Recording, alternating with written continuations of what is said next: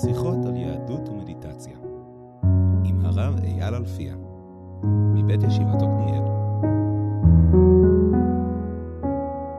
שלום לכם המאזינים וברוכים הבאים למפגש השמיני בפודקאסט שיחות על יהדות ומדיטציה. כפי שהבטחנו אה, בסוף המפגש הקודם, גם הפעם מתארח אצלנו הרב פדיין הגר שאותו הצגנו בתחילת המפגש הקודם. מכיוון שהתרשמתי שהשאלות שרציתי לשאול לא מוצו במפגש הקודם, הזמנתי את הרב פדיה למפגש נוסף. שלום לך, הרב פדיה. שלום, הרב אייל. אמ, ברוך השב. שמח להצטרף. יופי. אמ, אני רוצה להתחיל בהערה רעיונית שמתכתבת עם המפגש הקודם, ומשם להתגלגל לרובד הרבה יותר אה, קונקרטי, אה, קיומי, חווייתי ומעשי, בעיניי. הרב דיבר במפגש הקודם על החיים או על מרכז הכובד שמופיע ברווח שבין אה, ספירת החוכמה לספירת הבינה. הרב גם תיאר את זה באופן מאוד חיוני.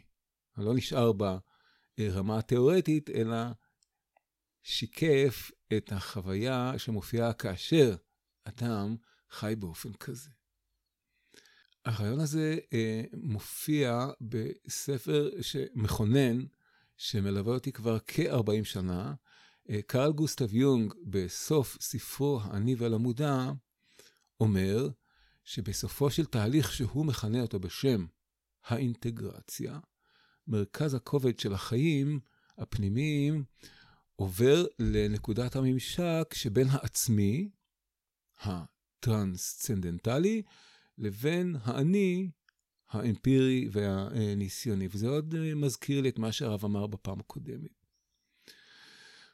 אבל אני רוצה עכשיו להתגלגל למישור אה, שונה בתכלית. הדברים של הרב בפעם הקודמת נשמעו מאוד משכנעים. הם נשמעו מאוד אותנטיים. לי, כמאזין, אה, היה את הרושם שהרב יודע על מה הוא מדבר, לא רק מצד ההבנה האינטלקטואלית, אלא מצד החוויה הקיומית השלמה והמלאה. הרב גם אמר שהתבוננות מן הסוג הזה, אותה התבוננות שמובילה בסופו של דבר אל החיים במרווח שבין העין לבין היש, או לבין תחילת היש, בין החוכמה לבין הבינה, היא דרך אה, מאוד יהודית. וככל שאני משתדל להתבונן בכנות בדברים, אני לא יכול שלא להודות שאכן היא דרך יהודית מצד המקורות הרעיוניים. אבל באופן אישי, כמי שמחפש כבר קרוב ל-30 שנה בעולם היהודי, בחוויה שלי, הרושם שלי הוא שגם אם המקורות היהודיים נותנים השראה לסוג כזה של תובנה, בחיים היהודיים עצמם, בהיסטוריה היהודית עצמה, קשה מאוד למצוא אותה. משום שעולם התורה היהודי הוא מאוד רכושני. הוא מאוד הישגי, ויש בו גם היבטים תחרותיים. אפשר לקרוא לזה ריתחא דאורייתא, אפשר לקרוא לזה מחלוקת לשם שמיים, אבל לעיתים קרובות אפשר להתרשם שהוויכוח בעולם התורני הוא מאוד טעון אה, בהרבה מאוד אגו. ועולם רכושני, הישגי וגברי כזה, יוצר ישות מאוד מאוד מרשימה, אבל הוא עשוי להיות חסר את החלק העדין הזה שהרב דיבר עליו בפעם הקודמת. במילים אחרות, אני מתקשה מאוד למצוא את ביטול היש, שנחוץ על מנת לחיות חיים כאלה, חיים של איזון בין הישות, בין היש לבין העין. אני מתקשה מאוד למצוא אותה בעולם היהדות. אני חווה שיש כאן תהליך היסטורי מאוד חשוב של שמירת הזהות, על ידי ארגון של השיח סביב שפה וסביב מושגים. ארגון של השיח שומר את הזהות היהודית. אני פחות חווה את העבודה הפנימית האיכותית בתוך השיח הקצת תחרותי והגברי יתר על המידה הזה. עכשיו, אצלי הרפלקסיה, ההתבוננות המדיטטיבית, הייתה הנקודה שבה יכולתי לעמוד על חוסר התועלת של האגו הנרקיסיסטי שלי עצמי. שם התחיל ההיסק של מרכז הכובד מעיסוק אגוצנטרי ונרקיסיסטי בעצמי, לעיסוק הרבה יותר מעודן, הרבה יותר אידיאליסטי באמת, והרבה יותר מופנה פנימה. לכן אני שואל את השאלה, מנסה לאתגר את הרב בשאלה הזאת במסגרת השיחות על יהדות ומדיטציה. במילים, אולי משפט אחרון, בחוויה שלי המדיטציה מאוד חסרה בעבודת השם, משום שבעיניי דווקא היא זו שיכולה, זו שיכולה להרפות את האגו המותנה, המתוח והאינטנסיבי. מה אומר הרב? תודה רב אייל על השאלה הכל כך נוקבת והכנה. אני אנסה להניח את זה במסגרת אה, מה שדיברנו פעם שעברה. חלק מהדרך היהודית היא דרך של רצו ושוב. והיא נעה, היא מקבלת באופן אה, עקרוני, כקונספט, את השלם, שונה בין כתביו, והיא לעולם לא מנסה לבחור בקוטב אחד, היא לעולם לא תצדד באך ורק דחיסות בתוך מרחב האגו, וגם לא תצדד בהרפאיה מוחלטת לתוך מרחבי העין והשקט והנזירות והפרישה מן העולם, כדרך שמנסה לתפוס את האמצע בתנועה שמכילה את הכתבים בתוך האחד, תוך הבנה שזו הדרך היותר שלמה אה, לגעת במעמקי החיים. ולכן, מראש, אני חייב שנייה להציג שתי דברים. את המצב, נקודת המבט האידיאלית מבחינתי, ונקודת המבט הריאלית, כמו שהצגת אותה, איך אני מתכתב איתה. נקודת המבט האידיאלית, אה, יש לנו קצה של יש, ושם נמצא אני, עם הנוכחות שלו והאגו שלו, וזה חלק מהקיום. קצה שני יש נקודת העין, שהביטול וההתקללות והאספות, כל מיני רצפים של התמזגות והשתייכות למקור ולאור ולחיים שמעבר לאני. ואלו ואלו קצוות, קצוות של ההוויה, ובסוף צריך לאחד הוויה או אלוקים. ייחוד הוויה או אלוקים זאת ההוויה, תנועת ההתהוות והאהיה פתוחה ומשוחררת, והאלוקים כנקודת האגו, כנקודת הקיום, שיכול להיות גם אלוהים אחרים, חוויה של החירות ועוצמה כוחנית אה, לא מוסרית, וזה כבר הקליפות שאוחזות בסיטואציה.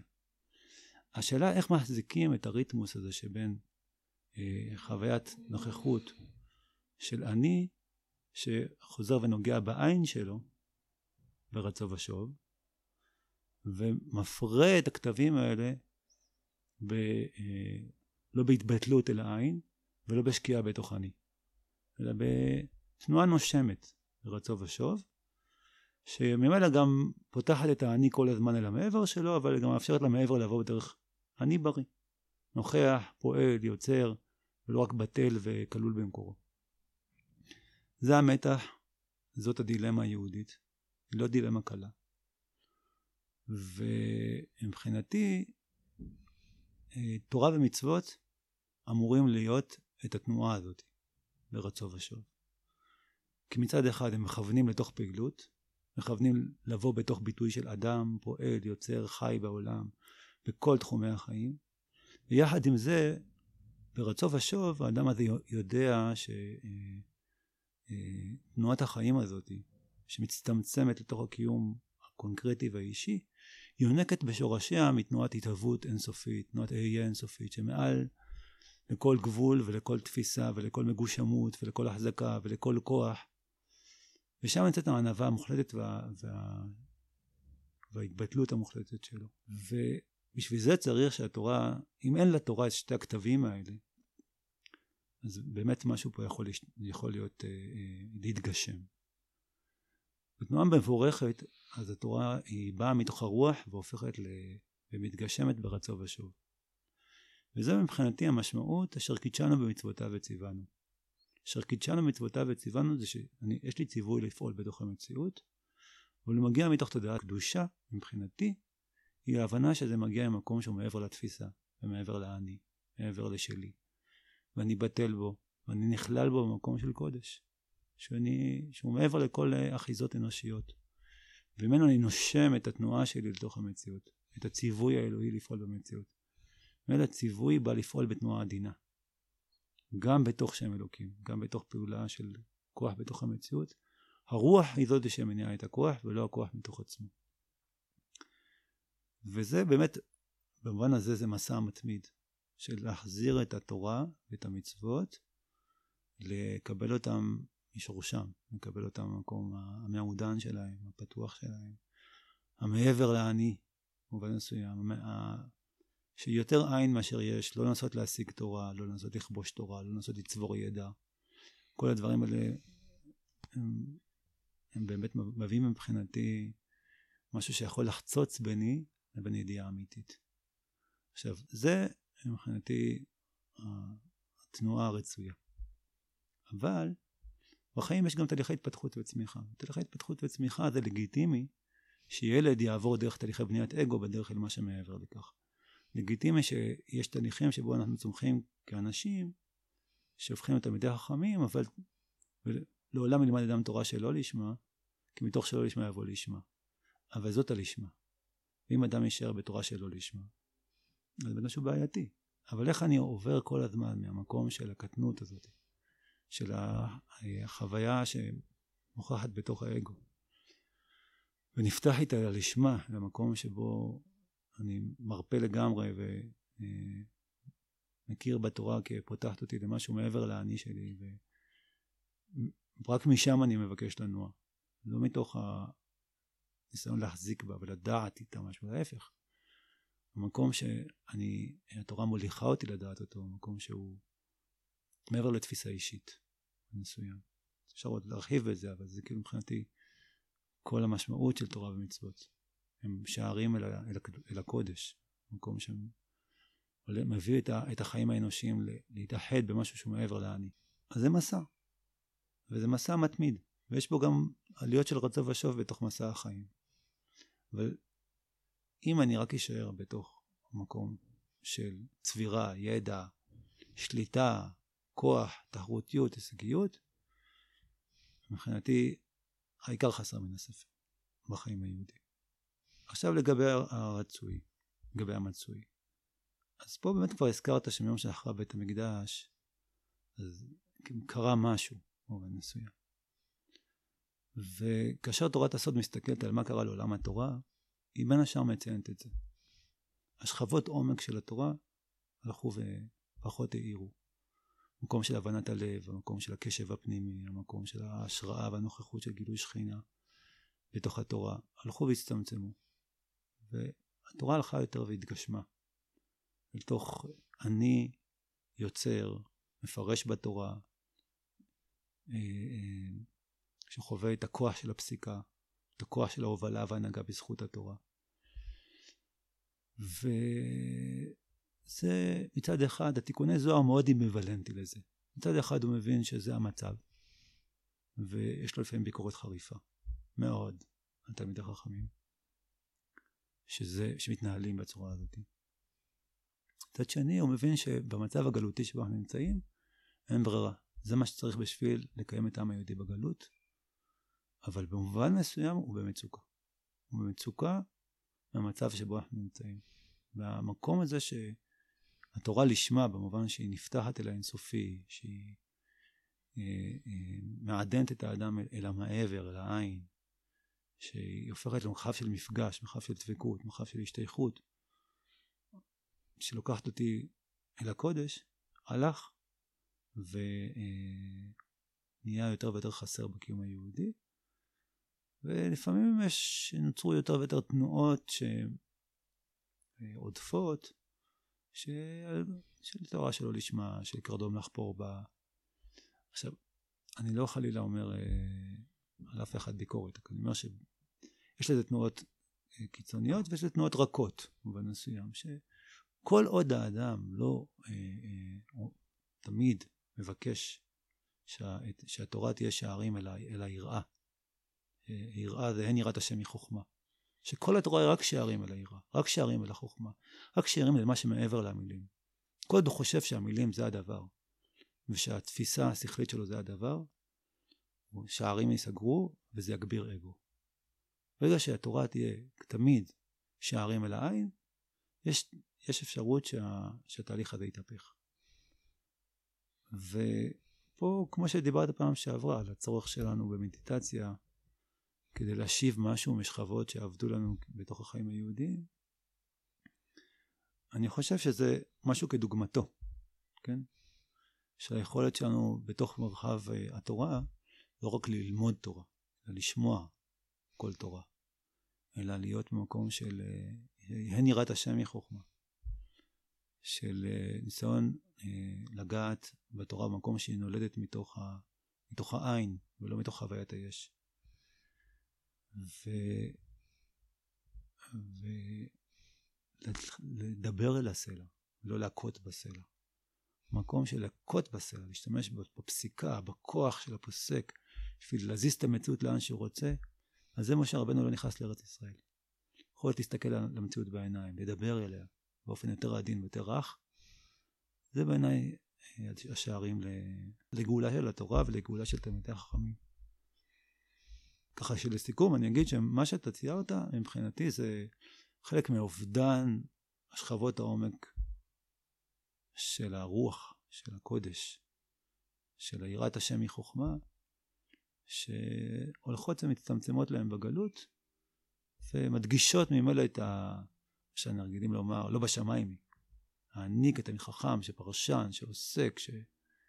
שיוצר את התורה, שחווה את התורה דילה, ממילא זה ממילא גם מעצים את תודעת, ה... את התודעת ישות.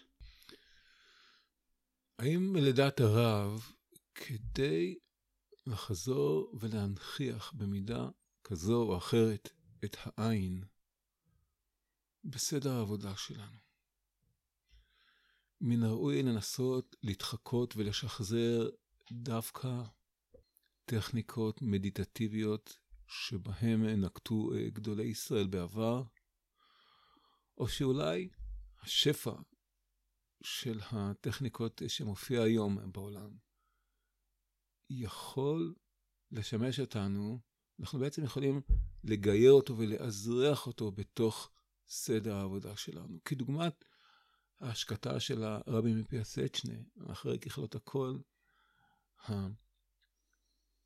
הסיפור הזה של ההשקטה מופיע בתקופה שבה החברה התיאוסופית והאנתרופוסופיה וגורג'ייף מופיעים באירופה. פתאום גם אה, הרבי מפיאסצ'נה מנכיח בתוך אה, העבודה שלו טכניקה אה, כזאת.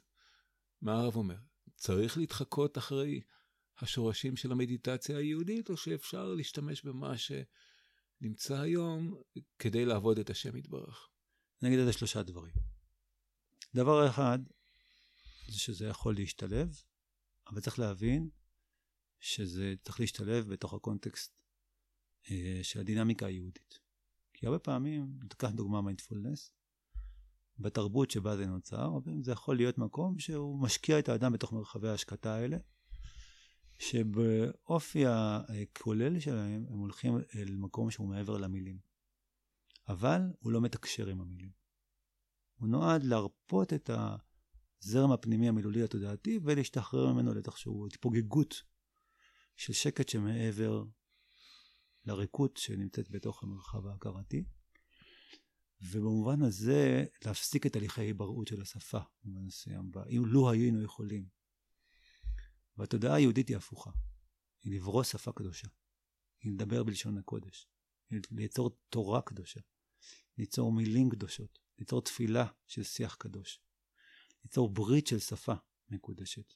לכן, אם אני לא אבין את הקונטקסט היהודי של זה, ואני אחשוב שזאת הדרך שבה אני יכול להיגאל, הדרך הזאת תייצר בעיה מסוג חדש.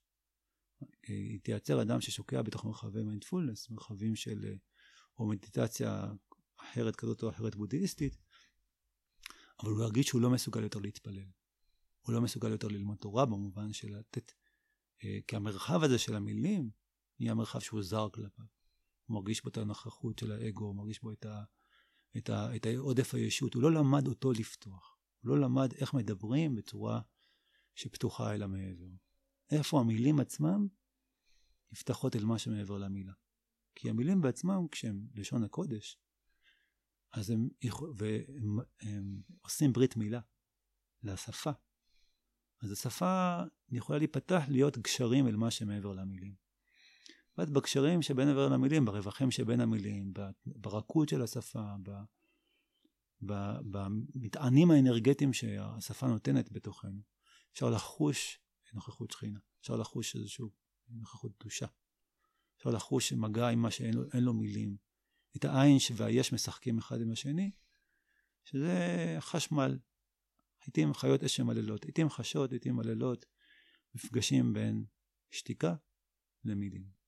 מפגשים בין השתיקה למילים הם מאפיין יהודי, בהקשר הזה. ברית של תנועות מתמידות של היש ועין בתוך מרחב השפה, בתוך מרחב התורה. ואיך אמר פעם המגיד ממזריץ', כשאתם שומעים את עצמכם, תפסיקו. כשהוא היה נותן תורה. אני אלמד אתכם להגיד תורה בדרך חדשה. כשאתם שומעים את עצמכם, תפסיקו. איך לדבר בצורה שהדיבור הוא כבר נוכחות, נוכחות השראתית, נוכחות שהשכינה מדברת מתוך גרונו. איך, מה הדרכים להטמיר את המרחב, המרחב של מדיטציה בתנועה, שבו מאפשר לתנועה עצמה להיות מרכבה וגשר למה שמעבר לעין, ולחיוניות אה, הפתוחה שיכולה לזרום בה. זו בעיניי האתגר בסופו של דבר היהודי. כי הוויפסנה כשלעצמה וכדומה, היא, היא, היא, היא תהליכי דרך, אבל היא לא מתמודדת ולא תפתור את מה שהבקשה היהודית בעצם מבקשת לחולל. איך בוראים עולם ברצו ושוב של אה, בבריאה מקודשת, בריאה שיש בה את השקט שפועל בתוך ההתרחשויות. מפגש של הארת פנים ושייכות, מפגש שפתוח לחיים. זאת, זאת האתגר הגדול. אני פגשתי אנשים שתרגלו אה, תרגולים בודהיסטיים ובסוף בחוויה האישית שפגשתי, נוצר להם קושי להתפלל. היה להם הרבה יותר נוח להיות במדיטציה, הרגישו שם הרבה יותר נוכחות ומפגש של מה שמעבר למילים, מאשר ביכולת שלהם ליצור את זה בשיח היהודי. אם לא נפתח את השיח היהודי, אם לא נתקן את התנועה להיות נושאת רוח, לא נוכל באמת לחולל את מה שהיהדות ביקשה לחולל, שזאת התודעת אמצע שבין העין ליש. אז לכן, מצד אחד אני חושב שזה אפשר להשתמש. ויש לזה, זה פותח את ההיכלות ומעדן את ה... את ה... מייצר מרחב, היכל, לצעד הבא. שהוא לנסות לבקש את, ה...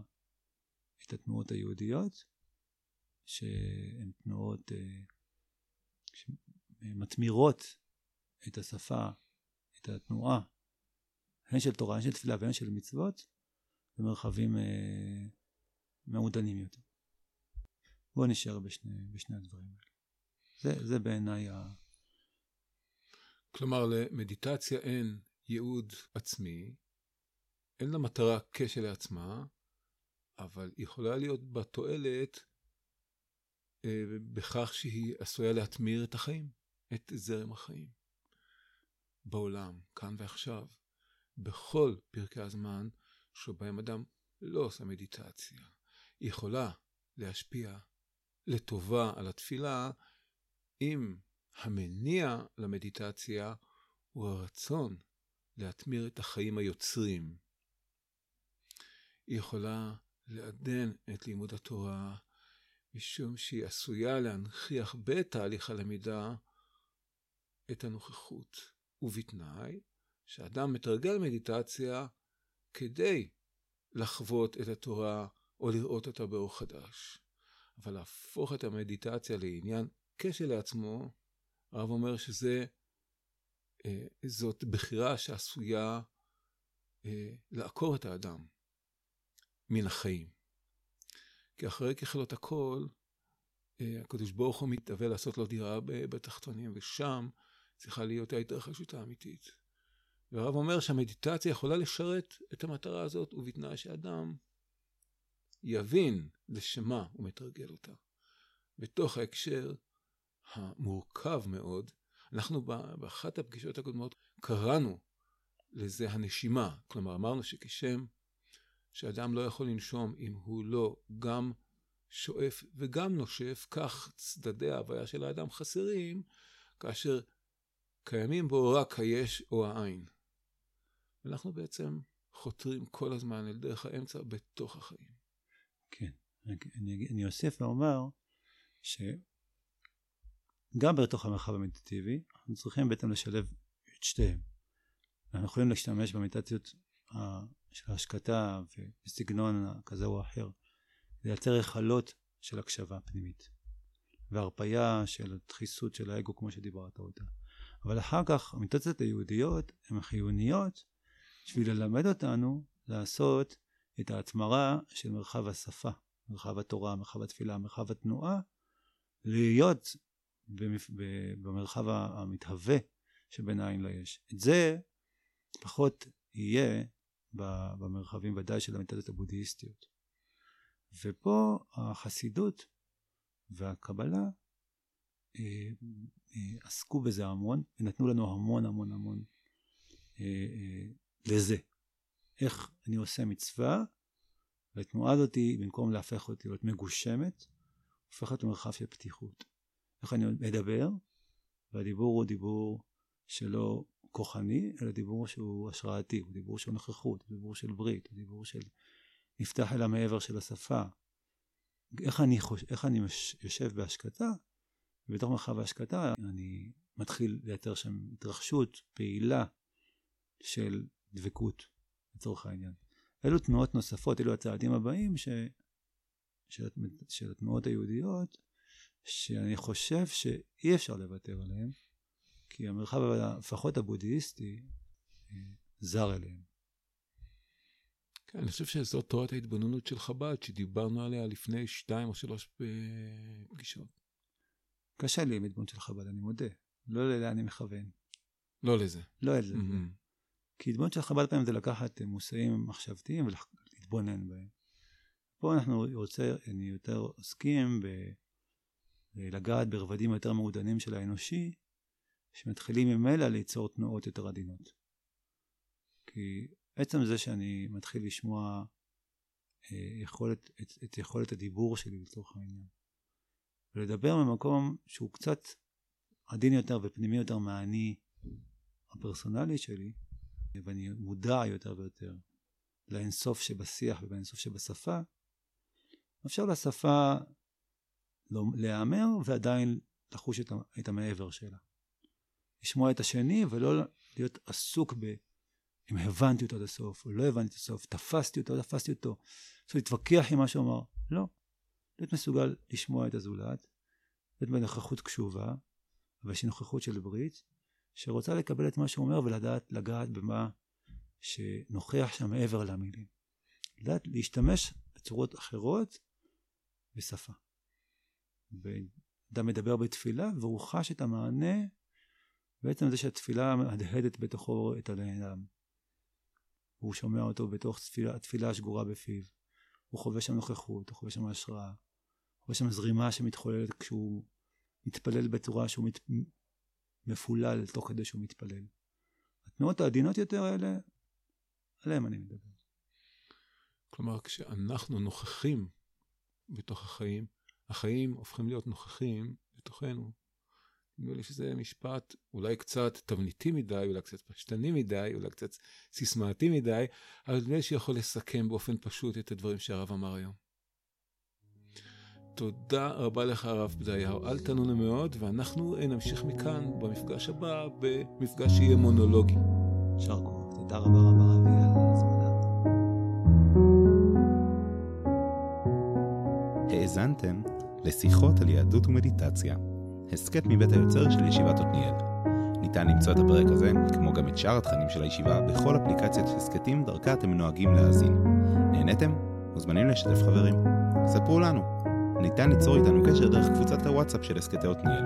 קישורים מופיעים בתיאור הפרק.